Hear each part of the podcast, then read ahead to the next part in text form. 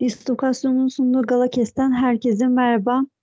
Galatasaray'ın UEFA Avrupa Ligi E grubunda Marsilya'ya konuk oldum. Sarı Kırmızılar sağdan 0-0 beraberlikle ayrıldı. Kerem ve Serkan abiyle bizler de Galakes ekibi olarak e, bol aksiyonlu maçımızı yorumlayacağız. Hakikaten bol aksiyonlu, olaylı bir maç oldu e, Kerem'le biz yayın öncesinde konuştuk. Neredeyse bir devre kadar hatta daha fazlası kadar uzadı karşılaşma. Hem ilk yarı hem de ikinci yarı e, olaylı olaylı geçti dedik.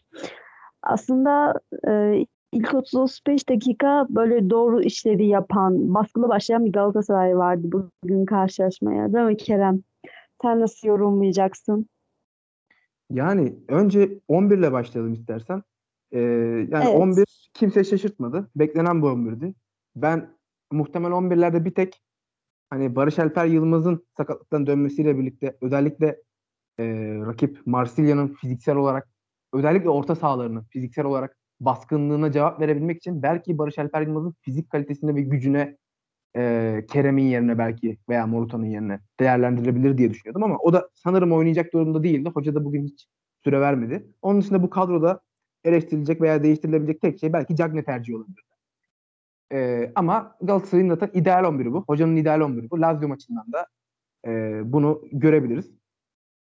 Ee, senin de söylediğin gibi yani özellikle bir 20-25 dakika e, iyi başladık maça. O, o süre zarfında oyuna gayet denktik. E, orta sahada ikili mücadelelerde de e, fena değillik baskındık. Gerçekten herkes işini yaptı ve e, ne fazla risk aldık ne hata yaptık. İşte bir tane Taylan'ın çıkarken bir hatası var. Onun dışında e, çok böyle net bir hatamız da yok. Savunmadan çıkarken de baskı yediğimiz anlarda da orta sahadaki mücadelelerde de ezil, ezilmedik. Çok üstün gelemedik. Bugün hani Marsilya'nın orta sahası birazcık daha bize göre baskın diyebiliriz ama yani iki takımın oyuncuları ve profilleri düşünülünce biraz aslında beklenen bir şey bu. Bu da sorun değildi Galatasaray için.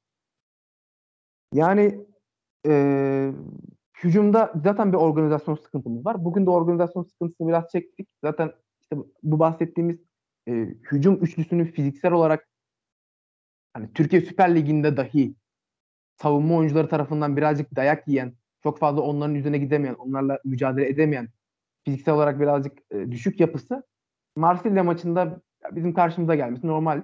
E, zaten hücumda çok fazla yerleşemiyoruz.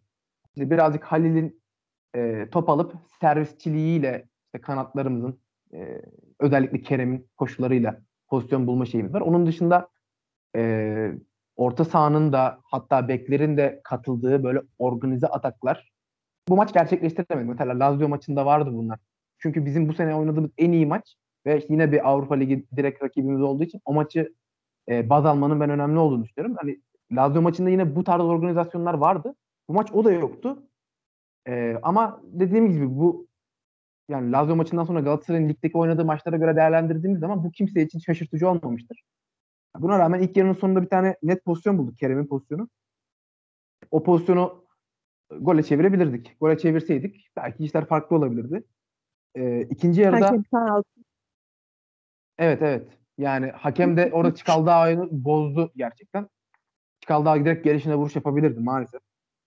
Ee, ikinci yarı yine oyun dengedeydi yani net net 2-3 tane pozisyon verdik. İşte direkten dönen top oldu. E, duran toptan bir top daha var. Arka direkte e, işte Cengiz'in kestiği topta e, verdiğimiz bir pozisyon var. E, yani bunun dışında yine çok fazla hücumda tehdit de yaratamadık ama yine herkes işini yaptı. Net net pozisyon çok fazla vermedik bu saydığım pozisyonlar dışında. Ee, üzerimizde bir baskı, hakimiyet kurmasını engelledik. Bence en önemli şey o. Çünkü Marsilya e, taktiksel yapısı itibariyle birazcık o şeyi de sağlayan bir takım yani bastığı zaman çıkartmayan ve top hakimiyetini o şekilde alan bir takım. Onu çok fazla vermememiz güzeldi. Ee, işte bu söylediğimiz pozisyonlar dışında hocanın belki birazcık da geç kalmış olabilir diye de düşündüğüm Halil ve e, Morata'nı çıkarıp Cagne ve Emre Kılınç'ı alması vardı. Orada birazcık daha e, fiziksel olarak tazelenmeyi düşündü hoca. Sonrasında Yine e, Babel ve Luyendama değişiklikleri var. Ben bu değişiklikleri de aslında e, doğru buluyorum. Babel Babel'in sonradan oyuna girmesi böyle son 10 dakika 15 dakikalarda böyle ileri ileride top saklaması gerektiği zamanlarda birazcık çıkmakta zorlandığımız ve işte uzun vurduğumuzda topu bize orada tutabilecek rakibin topu geri kazanıp tekrardan hücum edebilmesini yavaşlatabilecek birazcık zamana da oynama açısından da hücumda top tutma açısından da atak sürekliliğini sağlamaması açısından rakibin böyle bir oyuncunun oyunda kalması olması güzel aslında. Yani Babel değişikliğini sıklıkla eleştirenlerden biriyim ben de. Hoca geçen hafta evet. ısındırmadı bile. Herkes de memnundu bundan ama e, bu şekilde kullanılmasına itirazım yok. Mantıklı gayet. Luyendama'nın girişi de öyle. Orada biraz boyumuz da Bir iki duran topta azıcık tehlike de yaratabilecek gibi de olduk. Hemen Cagne, Luyendama ve Babel'in oyuna girişi. Yani bir iki duran topta yani hiç vuramadığımız duran toplardansa ceza sahasında bir e, karambol oluşmasını sağlıyor. E, işte bunların dışında çok işte maçtaki belki en kritik pozisyon bizi 2-3 dakika çok korkuttu. Bir penaltı pozisyonu var Patrick Van Aanholt'un. E, onu ayrı konuşuruz diye düşünüyorum. E, o işte evet. o ve ilk yarıdaki saha olayları maçın senin de söylediğin gibi çok fazla uzamasını sağladı. Maçın sonunda yine bir Cagney'in e, Saliba ile girdiği bir, bir münakaşa var. Orada evet. e, saha yine birazcık karıştı. E, yani tansiyonlu bir maçtı. Dengeli bir maçtı. E, Galatasaray Avrupa'da oynaması gerektiği gibi oynadı. Birazcık daha aslında yine organizasyon, hücumda da birazcık organizasyon ve e, hücum oyuncularımızdan e, karşılık verebilmesini onların fizikselliğine beklerdim. Ama e, ya bu fizikselliğe de değinmişken özellikle yani Morutan'a bir parantez açmak istiyorum. Bugün savunma katkısını ben gerçekten çok beğendim. Bir tane e, Marcao'nun işte Patrick Van Aanholt'un, Nelson'un hepsinin Taylan'ın hepsinin düştüğü bir pozisyonda Morutan gelip orada e, Amin Harit'ti yanlış hatırlamıyorsam. Onun ceza sahasındaki atacağı şutu engelledi. İşte ikili mücadelelerde etkindi. Bir önceki maçta 5 tane top kazanması vardı.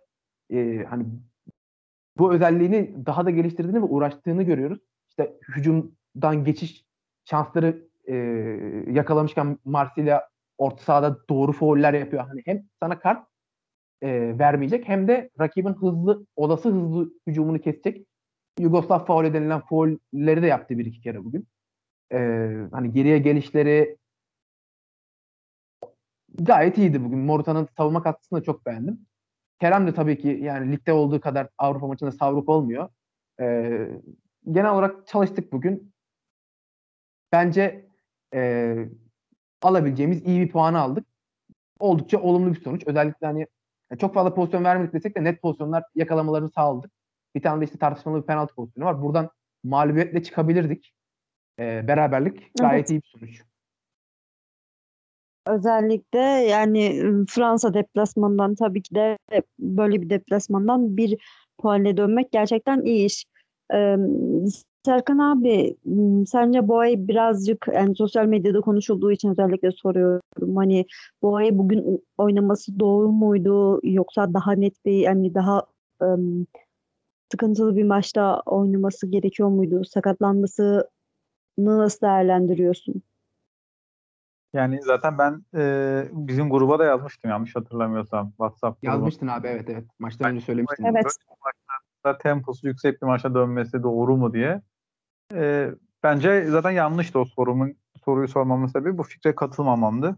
Her ne kadar takım oynarken Boya'yı arasa bile oyunda, hücumda ve savunmada ee, yani Kesin. bir maçtan puan alacağız diye şimdi belki 4-5 maç daha oynamayabilir. Bilmiyorum. Ee, yarın belli olur muhtemelen sakatlığın ağırlığı. İnşallah ciddi bir sakatlık değildir ama e, riske atılmasını doğru bulmuyorum ben açıkçası. Bir bu maç e, özelinde sadece. Onun dışında e, takım olarak hocanın maç zaten şey olarak geçti. İki hocanın da e, taktik savaşı ve rakip analiziyle geçti iyi, ikisi de birbirini iyi incelemişler. Marsilya mesela bize göre birazcık formasyon değil ama oyuncu değişikliğine ekmiş. Gene 4-3-3 4-3-3-1 gibi ya da 4-3-4-3 3-4-3 gibi çıktılar sahaya. Ama Dirola'yı öne almış. Normalde Gerson ve e, şey oynuyordu orada. E, adı gitti. Ronger oynuyordu orta üçlüde. Guaye'nin yanına evet. Dirola'yı almış ki top bize geçen dörtlü savunmaya geçebilsin. Sağ bek pozisyonu alsın orada. Ee, birazcık daha bizim oyunumuza göre Marsilya'da şey yapmış. İlk başta zaten onun sıkıntısını yaşadılar. Orijinal oyuncularla oynamamanın sıkıntısını yaşadılar. Hücumda birazcık organize olamadılar. Ee, sonrasında 25. dakikadan sonra falan muhtemelen birazcık oyunu oturttular ve biz de birazcık geri çektik o maçın. Hızlı başladık. Rakibi durdurduk. Tempoyu istediğimiz gibi ayarlayıp ilk yarıyı kontrollü bir şekilde geçirdik. İkinci yarıda o olaylardan sonra belliydi yani Marsilya'nın o statta atmosfer yükselirse Marsilya'da oynamaya başlar. İster istemez öyle bir bağları var tribünle çünkü. O takımında. Baskıyı yiyecektik. Ee, bir de Milik oyuna girince çok iyi oyuncu bence yani Adrius Milik. Ee, yani keşke bizde olsa diyeceğim oyunculardan biri. Boyu uzun, hava toplarını alıyor, geri geliyor. Tam Fatih Hoca'nın şu an oynamaya çalıştığı forvet o yani. Halil'in bir tık üstü tecrübe olarak. Fizik olarak da. Fizik olarak da öyle şahane toplar çıkarıyor. Ama yani bizim kadromuzun çıkış şekli doğru bence. Ama ben şunu bekliyordum. Yani bizim Kerem'i sadece defans arkası bir koşu atacak diye. Ben gene Kerem'e üçüncü haftam Kerem'e saykladım.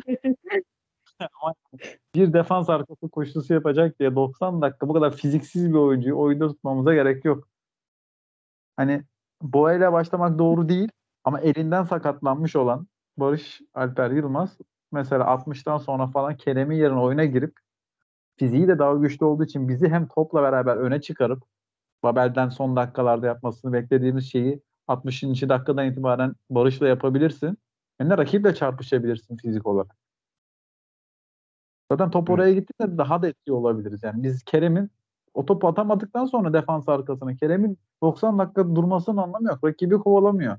Aldığı hiçbir topu, sırtı dönük hiçbir topu oyunda tutamıyor. O kadar eziliyor ki topu kontrol ederken kaybediyor zaten daha. Arkadan ilk teması yediğinde. Daha kontrol ederken kaybediyor pozisyonu. Ve hani eminim ki onu Kerem, sırf Kerem yüzünden Taylan, Berkan ve Çıkıl'da en az 1-2 kilometre fazla koşmuşlardır. Gereksiz yere. Ya, öne doğru gidelim, Kerem'e yaklaşalım. Hop Kerem kaybetsin, geri gelelim. Bunu 20 kere falan yaşadık yani maçta.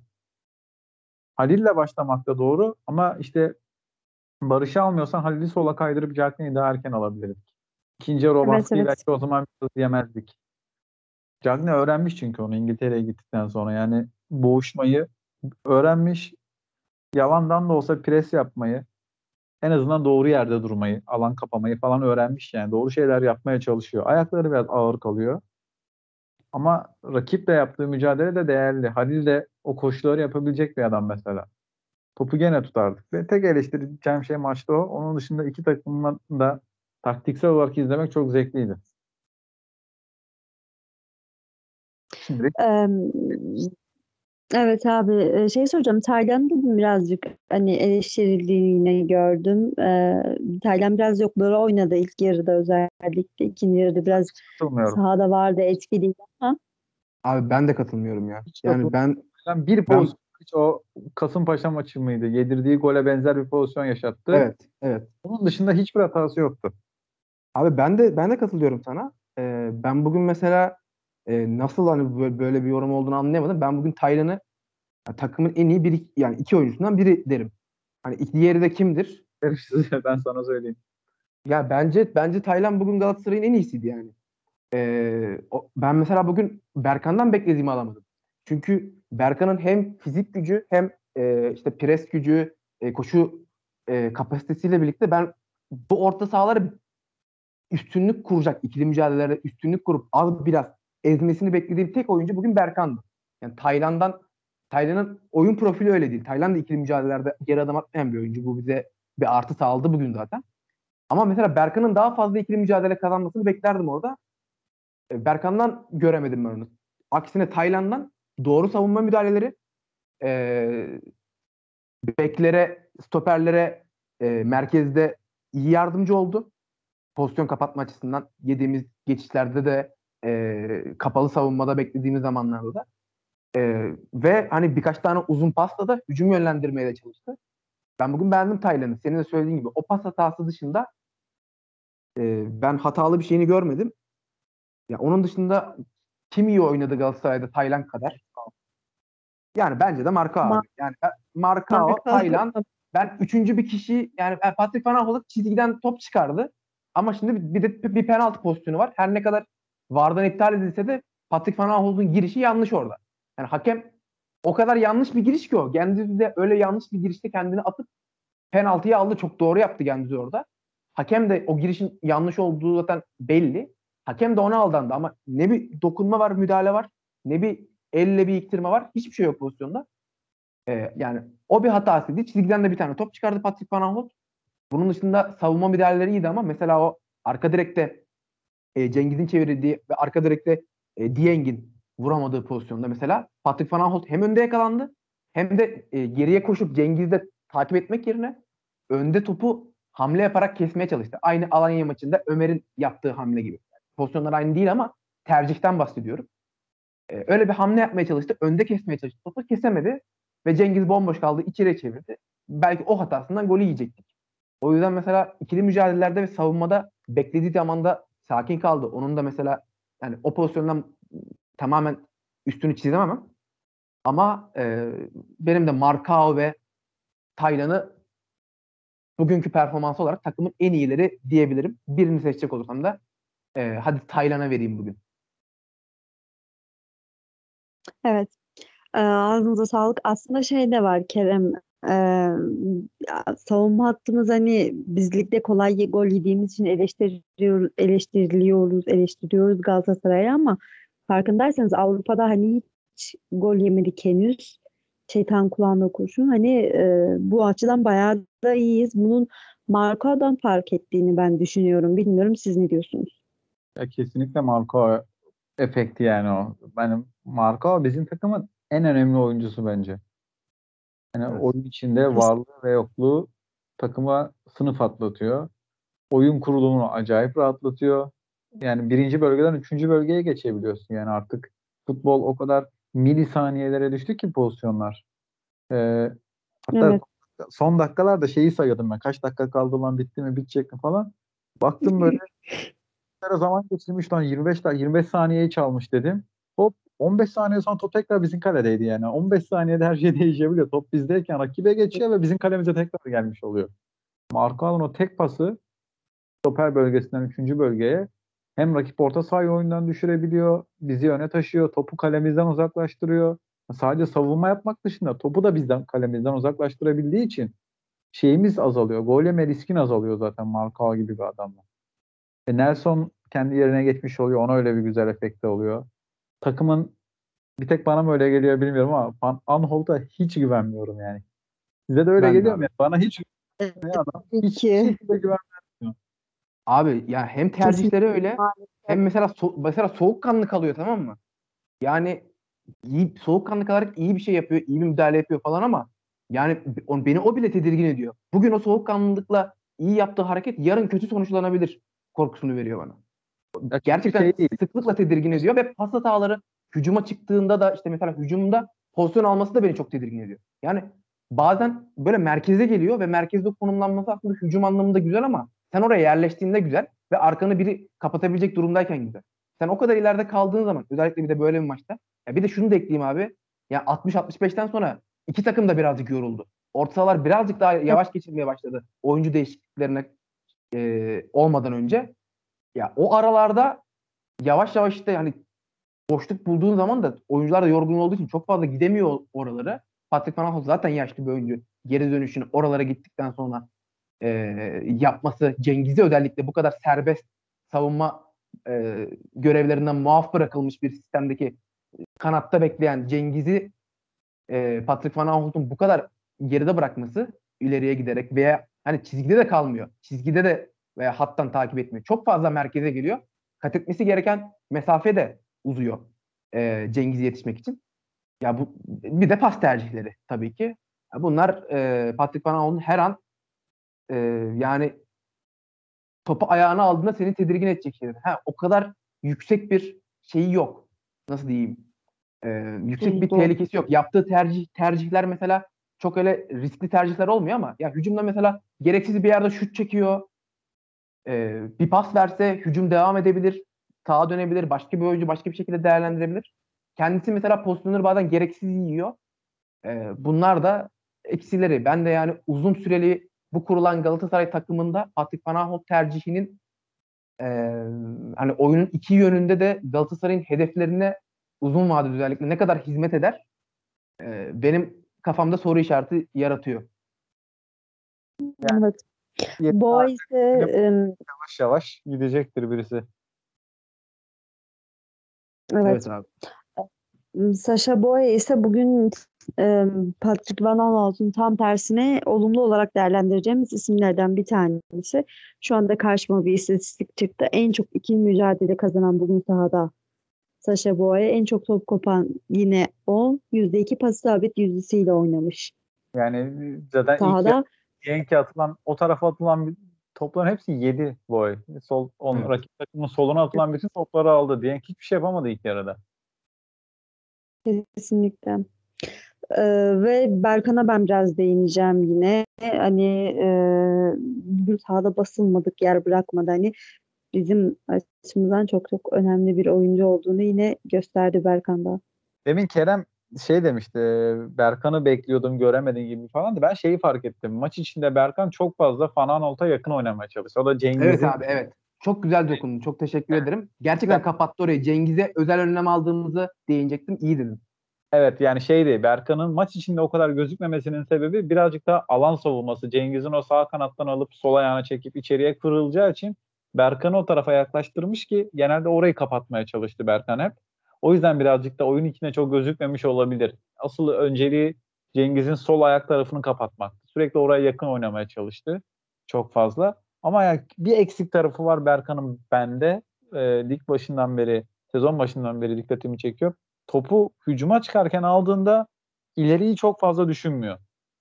Sürekli önü yani sırtı dönük aldığında rakip kaleye dönmeyi düşünmüyor. Hem hep yana veya da geriye. Yani halbuki çok müsait. Arkasında kimse yok ama hep daha garanti geriye geriye geriye oynuyor. O da bizim hızlı çıkmamızı biraz yavaşlatıyor. Birazcık daha öne doğru takım ittirebilirse top ayağındayken daha bir sınıf daha atlamış olacak en azından. Abi doğru söylüyorsun. Evet. Yani Berkan e, özellikle bu üçlü Taylan Berkan Çıkaldağ üçlüsü oynadı ama Çıkaldağ kendini birazcık daha solda da rahat hissettiği için birazcık Kerem'i de e, savunma arkası koşularını falan da değerlendirebilmek için yaratıcı bir oyuncu olarak ve daha çok solda konumlanıyordu. E, bu maçta Berkan'ın solda oynadığını gördük. Özellikle o Cengiz tehditine karşı. Boye zaten e, tek başına Dieng'i çok iyi kitledi. Biz de onu bekliyorduk.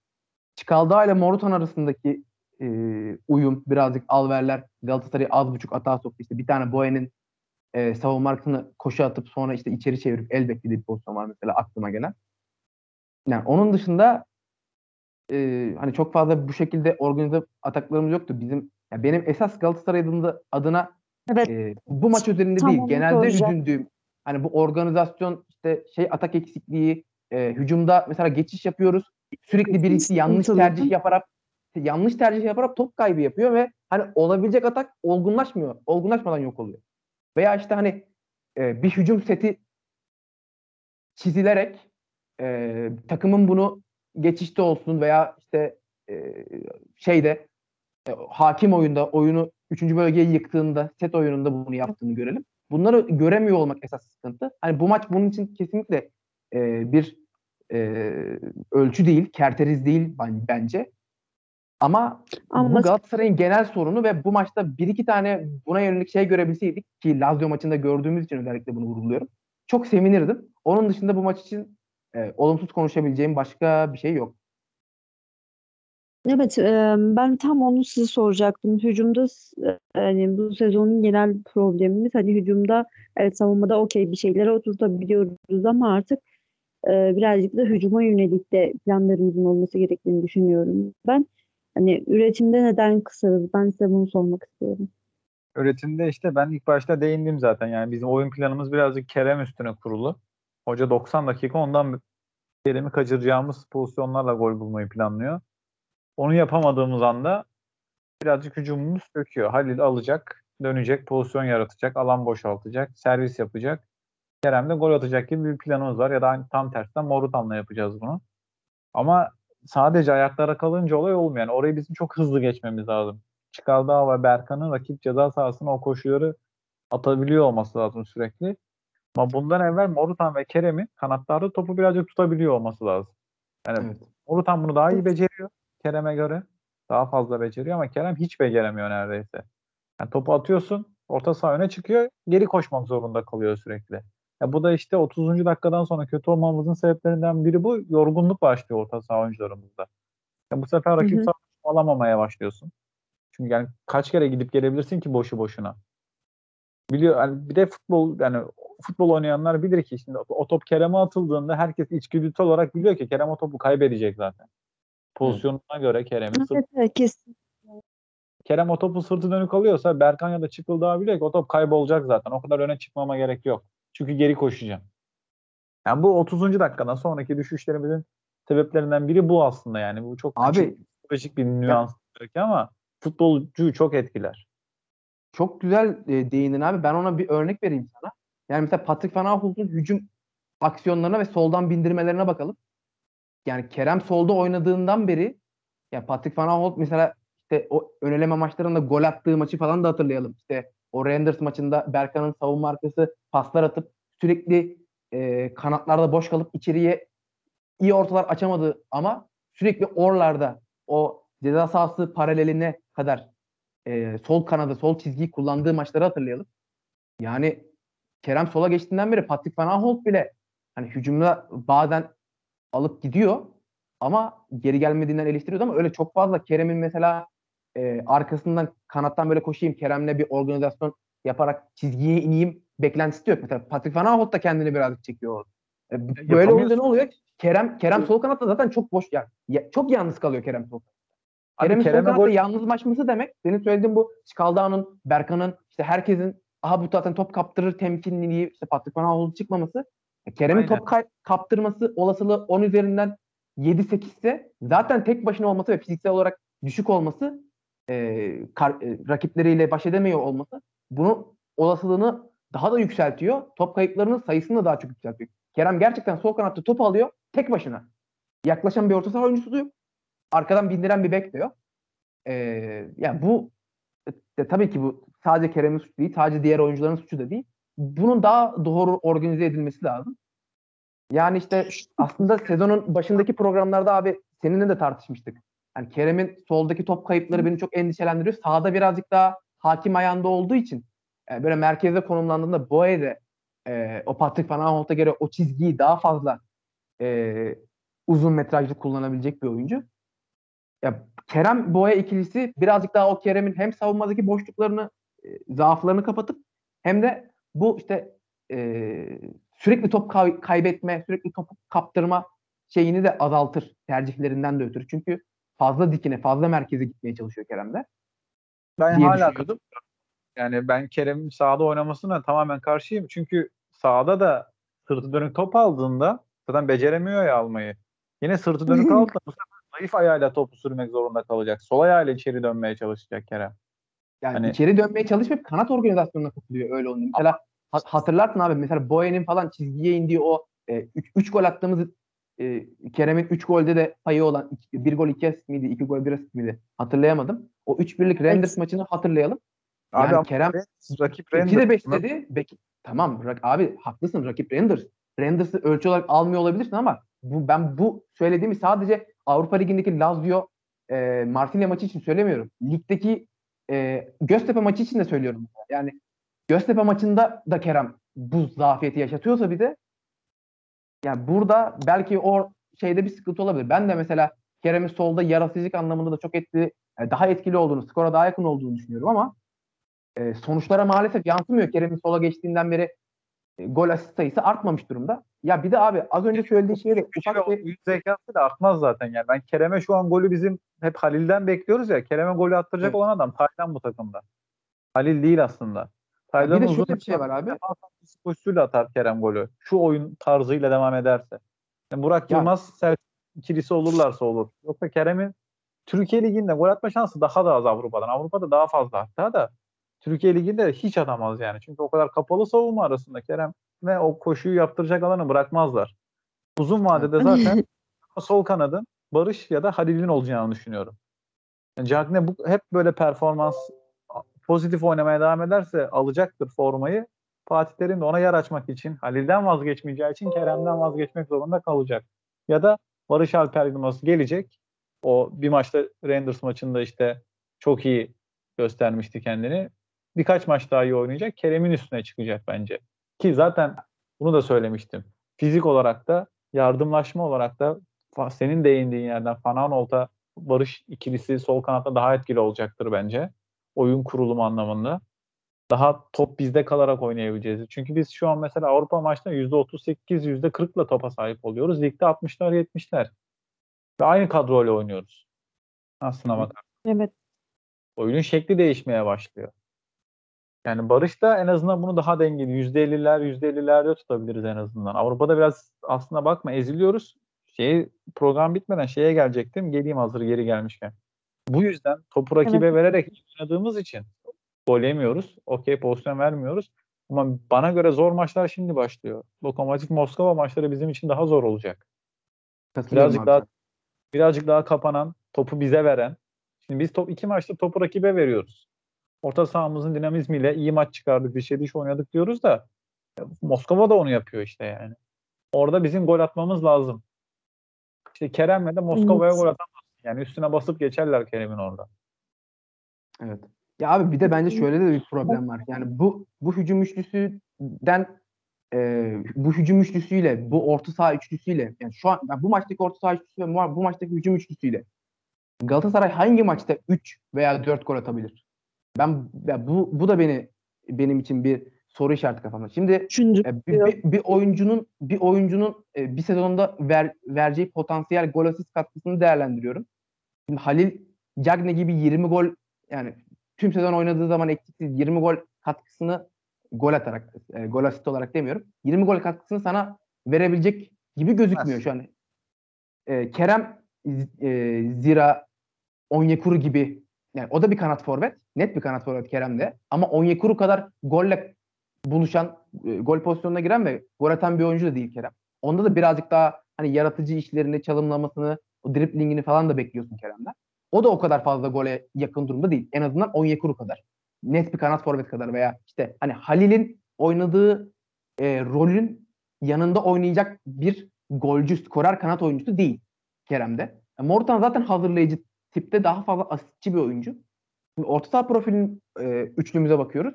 Çıkaldı evet golcü bir oyuncu. Ama şimdi Avrupa maçlarında onun da orta sahadaki savunma görevi arttığı için bu kanatlarla o da gol bölgesine gidemiyor. Ceza sahasına çok fazla giremiyor. E, zaten Tay, e, Berkan'dan gol ben hiçbir zaman beklemiyorum. Duran toplar vesaire dışında. Şutu da çok kötü durumda Berkan'ın. Taylan keza işte sezonda size bir gol atarsa, iki gol atarsa iyi diyeceğiniz bir oyuncu. E şimdi kim golü kim atacak?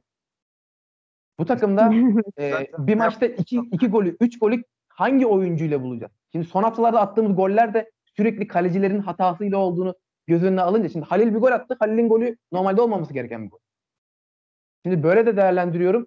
E, biz net bir şekilde gol pozisyonunda zaten çok fazla da bulamıyoruz. Hani o organizasyon artacağını düşününce pozisyonlar artacaktır. Oyuncuların sayıları da artacaktır. Hani biz genel bir yükselme bekliyoruz. Bekledik yani kafamızdaki e, şimdi hani şu ne kadar atar bu ne kadar atar diye ben bir kısaca hesapladım öyle. Farazi bir hesaplama yaptım ama biz zaten Galatasaray'ın hedefi bu oyuncuların da yükselmesi ve genel olarak bir total bir yükselme bekliyoruz. Ama e, bu gelişim esnasında bu gelişimin işte sancılarını yaşadığımız zamanlarda geçtiğimiz haftalardaki ligdeki maçlarda da e, e, bu beklentilerin de sonucunu çekiyoruz.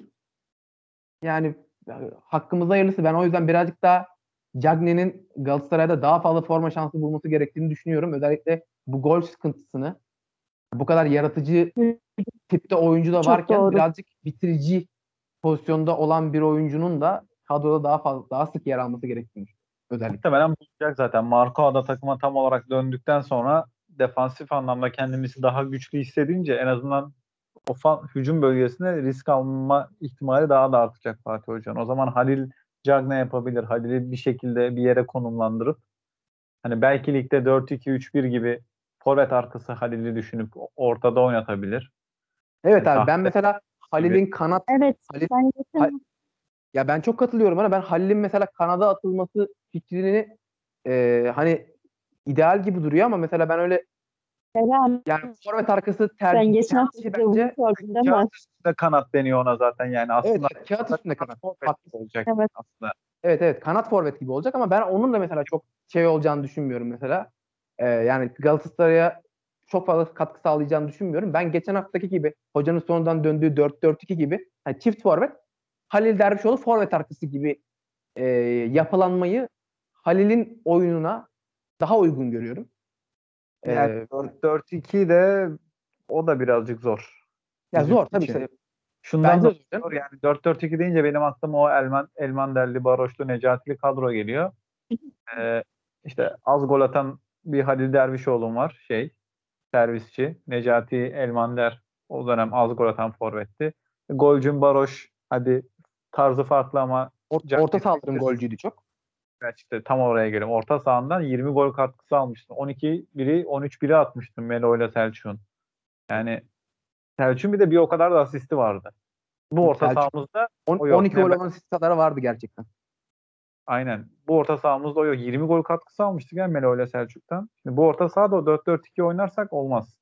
E kanatlarda yani Morutan Kerem'i koyarsak 4-4-2'de çok zayıf. Olmaz. Sen 4 Olmaz. 2 değil de 4-2-3-1'de Halil'i arkada kullanabilirsin. Klasik tabirle 10 numara yerinde ama görev olarak 10 numara değil. Ya da mecburiyetten kanada koyarsın. Patrick Anholt'a dersin ki ya da Boya'ya hangisi önüne koyuyorsan aslında bu kanadı sen tek kullanacaksın. Halil içeri devrilecek falan filan. Yani Evet. kağıt Halil'i kanada çeksin diyoruz aslında orada. Cagne topu tutsun, Halil ona yaklaşsın diye. Anca o zaman gol atma şansımız olacak gibi bu sene. O da işte Marco takıma tam dönünce hoca da ligde birazcık daha risk almaya başlayacaktır. Arkayı sağlamlaştırdık, önde adam eksiltebiliriz diye düşünüyorum. Bakalım Evet, bence grup çıkmak için çok güzel bir bir puan oldu bizim adımıza. Ee, yani işte o Moskova Lokomotif'ten de 4 puan alırsak bence kesin çıkarız. Ya da geri kalan maçlarda da 4 puan alsak çıkarız diye düşünüyorum. Evet, ağzınıza sağlık. Teşekkür ediyorum ama benim size bir sorun daha vardı yine. Ee, bu da yine eleştirilerden gelen bir soruydu. Aslında biz bu e, bu işi doğru yapabilseydik duran top organizasyonu işini belki de 3 puanı alabilirdik diye düşünüyorum bu deplasmandan. Siz nasıl düşünüyorsunuz? Bu son sorum olsun. Daha sonra toparlayalım. Tabii. Ee, yani bence yani Genelde tercih ettiğimiz tercih bence. ettiğimiz oyuncularla oyuncularla biraz alakalı. Ama tamamen değil. Şimdi tercih ettiğimiz iki tane stoper 1.85. Ee, bunların kafa hakimiyeti olan ve hani mesela Alparslan da çok öyle e, diğerlerinden uzun bir stoper gibi değil ama Alparslan e, golcü bir duran toplarda golcü bir oyuncu mesela. Bizim iki stoperimiz de öyle değil. Luyendama mesela hava hakimiyeti var. O da e, gol vuruşu veya işte pozisyon alıp zamanlamayla topu içeriye sokabilecek medyete çok fa- fazla sahip değil. Luyendama çıktığı topların çoğuna vuruyor ama çoğunu kaleye yönlendiremiyor sadece. Üstten ata gidiyor. Kenarlardan gidiyor. Yeterli vuruş yapamıyor. Stoperlerimizde böyle bir sıkıntı var. E, forvetimiz Halil olduğu zaman kafa toplarına o çok hakim değil. Onun dışında uzun diğer oyuncumuz Berkan var. Berkan da bence e, kafa toplarında ceza sahasında böyle çıkıp darbeli bir şekilde vuruş yapabilecek bir oyuncu değil. Hoca onu zaten arka direğe koyuyor. Arka direk, direkten topu çevirsin diye. Yani arka direğe orta açıldığında Berkan tekrar içeri çevirsin diye düşünüyor. Onun dışında net bir e, duran top organizasyonu eksikliği Galatasaray'ın zaten var. Duran top setlerinin falan çok fazla çalışıldığını düşünmüyorum. Zaten bu sezon Galatasaray ligin en fazla korner atan ve en fazla e, orta açan takımıydı. Bir önceki haftaya kadar sanırım. Bir önceki haftayı dışarıda bıraktığımızda en çok korner kullanan ve en çok orta açan takımdı ve en az isabete sahip olan takımdı e, duran toplarda. Duran top kullanan oyuncularımızın da kalitesi arttı. Özellikle Çikaldao. E, çok iyi kullanıyor gerçekten. Çok iyi kestiğini düşünüyorum. Ya buna rağmen pek fazla şans yakalayamıyoruz. Bu konunun Galatasaray'da nasıl çözüleceğini ben çok merak ediyorum. Çözülebilecek mi onu da merak ediyorum. Ben de Kerem'e komple. Sadece şunu söyleyeceğim yani boy ortalamamız evet düşük ama bir de yani Kas, Kasımpaşa e, Kasımpaşa'dan mı yemiştik o golü? Yok. Kayseri'den yediğimiz duran top. Evet. Mesela Evet. o hiç alakası yok yani aslında duran top kullanmanın günü 2021 yılında boy kullanmaktan ziyade ne çizdiğin oyun olarak hangi seti çizdiğinle alakalı. Onu üstünde biraz daha kısa boyluysak o zaman ona göre bir şey çizmemiz. Yerden de duran top kullanabiliriz aslında. Aynen Doğru öyle. Normalde yaparak. Çok güzel gol atmışlardı size. Biz de onu kullanabiliriz aslında. Çok çok haklısın abi. Duran top setlerimiz bu şekilde çalıştığımız olmadığı zaten belli. Ayrıca ya, o maçı söylediğin zaman duran top savunmamızın da sıkıntılı olduğu ortaya çıkıyor. Yani alan savunmasını yapıyoruz. Adama Evet, da o ona zaten- karışık mı? O, o da Zaten- zaten sıkıntılı. Hani ona girmeyelim. O birazcık daha uzar konu diyeyim. Neyse hafta sonu Rize maçı var. Ben normalde böyle fanatik duygularla yaşamam ama hani Rize maçında bir derbi gibi bekliyorum yani Rize'yi. İnşallah futbolcular da o reaksiyonu gösterirler diye düşünüyorum. Cagney'den bekliyorum bu çıkışı. Cagney'den Marsilya maçının rövanşını bekliyorum ben. Hatta orada ben Fatih Terim'den de bekliyorum. Bakma sen bugün Fatih Terim'in e, çok böyle sakin durduğuna, şey olduğuna. Evet, Fatih böyle maçlarda hep böyle, sakin. hep öyle olur. Rakip tribünü şey yapmama. Yani şeyi yaş olarak çok iyi hatırladığım için Leeds United maçını ben. İstanbul'daki maç böyle yangın, kavgalar, gürültüler. iki kişi öldü İngilizlerden. Öbür maçta Galatasaray o kadar sakin çıkmıştı ki Fatih Terim. Futbolcular sahaya çiçeklerle çıkmıştı. Gidip tribünlere çiçek vermişti. Sırf atmosferi e, düşürmek için. Siyah bir eşofman takım yaptırmışlardı. O maça özel siyah çıkmıştık anmak için ölenleri falan filan. Fatih Terim bu taktikleri iyi yapan bir adam. Rövanş maçında bugünkü o kavgayı kullanacağını düşünüyorum ben. Hem Cagney'inkini hem tribünlerinkini. Kesinlikle. evet teşekkür ediyoruz abi. Ağzınıza sağlık Kerem. Ee, başka ekleyeceğiniz bir şey yoksa yavaş yavaş toparlayayım artık. Benim yok. Ee, Benim de yok. Evet. dinleyicilerimize sevgiler, saygılar. Ağzınıza sağlık. Fransa deplasmanından bir puan ile dönüyoruz. Ee, önemli bir puan bizim için. Ee, keyifle dinleyin. Herkese iyi geceler dileyelim tekrardan. Hoşçakalın. Hoşçakalın.